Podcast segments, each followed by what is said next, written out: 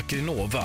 När du letar efter kontor, butik, industri eller lagerlokaler i Öresundsregionen. Gå in på akrinova.se. Och du, Akrinova stavas med C. Ja, Claes Mellborn har ju gått över från enklare hyresavtal eh, till att enkom leasa ut eh, Skylift då. Okej. Sen kan ju de leasingperioderna vara kortare än normalt. Eh, Så att det så när närmar sig ett vanligt hyresavtal då men att det är på andra grunder då. Och har väl främst riktat in sig på företag och, och verksamheter då istället för Privatpersoner och ja, just det.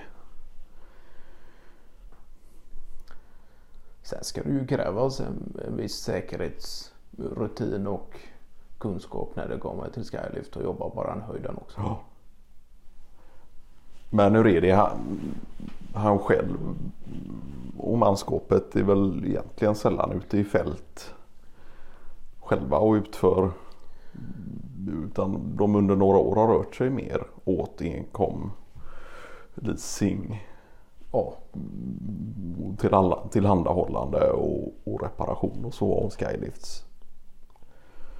det har väl blivit så allt eftersom egentligen att det har gått mer åt det hållet. Ja, och det är ju...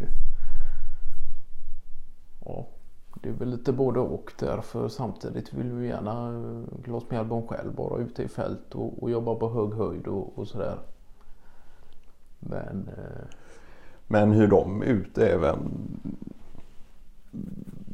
annan utrustning då som säkerhetssele och ja, det finns till förmågan. Ja, Ja. ja.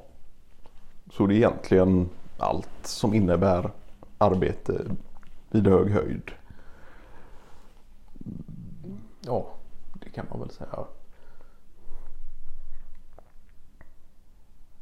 Sen är det klart, det är väl väldigt många företag som redan på förhand som har den typen av materiell och utrustning och mm, vad det nu kan vara Ja, ja, just för att de jobbar med det dagligen då.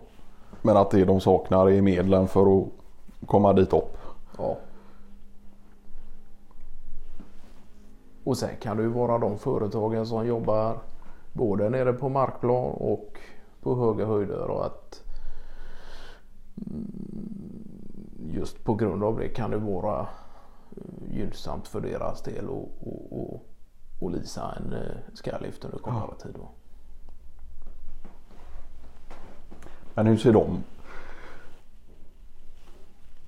avtalen ut om man jämför med exempelvis leasandet av en eh, bil? Sträcker sig ofta ja, under längre perioder. Ja. Och, ja. Nej, då är väl tanken att de har gjort eh,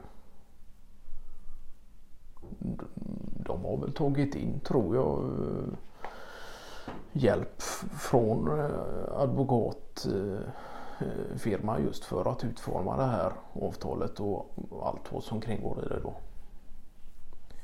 Men just att det kan handla om kortare perioder då. Projektbaserad leasing då. Ja, det kan man ju säga. Ja. Nej men det är klart att det måste ju, det innebär ju en mindre ja, pappersarbete och, och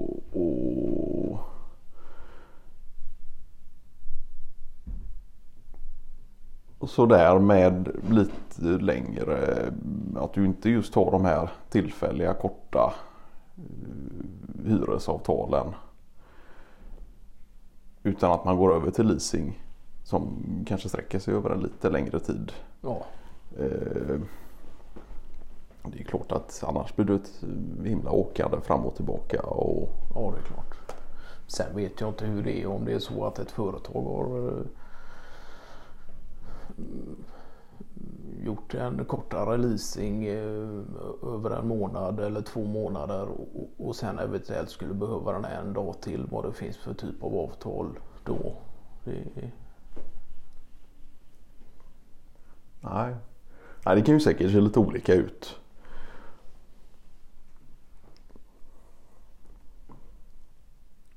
Men det är väl mycket sånt som Mjällborn själv har fått sitta med de senaste ja, ja. Och tre kvartalen. ja, just det.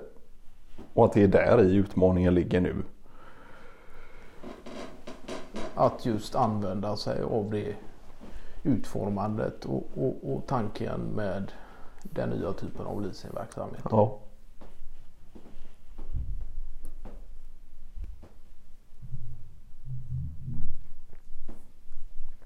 För så är det ju och det vet man ju själv. Vi har ju haft dygnshyra mm, på maskiner och grejer. När man på ganska kort varsel skulle kunna förlänga ett hyresavtal Ja, ja, en vecka eller två. ja. I och med att mm, i slutändan så är det ju många ja, projekt och sådär som gärna drar ut lite på tiden. Ja, just det. Och då handlar det ju om att ha den typen av rörlighet i avtal också. Att det, Ja. det ska kunna fungera även i sådana sammanhang. Då. Ja. Och det är väl det de har tänkt på mycket då. Att det är just den typen av situationer. Att eh, en leasing eller ett arbete ute i fält ska ju inte ta stopp på grund av ett avtal. Utan då handlar det ju om att lösa det där och då och, Ja. och ha rätt medel för att göra det också.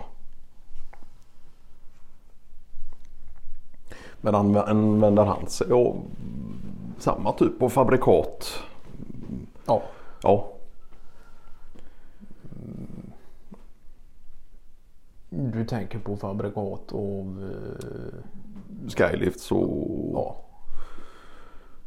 Så var det väl inte till en början när han började Nej. sin verksamhet för en, eh, ja, ett antal år sedan. Här, så hade han ju lite variationer och köpte in gamla och reparerat. Ja. Och hade lite olika val och sådär. Ja. Nu kör han på ett och samma märke då.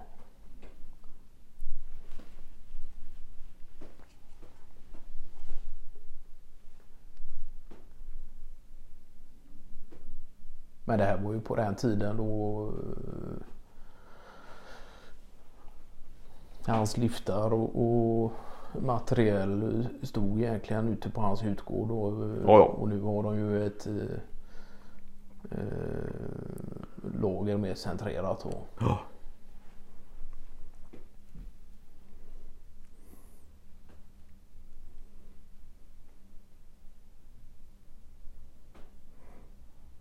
Ja, ja, men då har han en ganska kontinuerligt flöde då av uthyrda skylifts. För jag tänker förr då kanske det var lite mer säsongsbetonat när han framförallt hyrde ut till privatpersoner och mindre företag och så. Att det fick sig något uppsving där ja, kring, kring våren.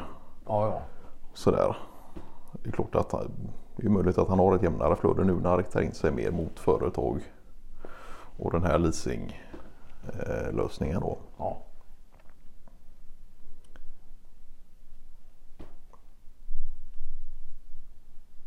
Och det ska ju bli spännande att se då hur han kombinerar detta med hans önskan och, och driv att, vara, att själv vara ute i fält. ja, ja.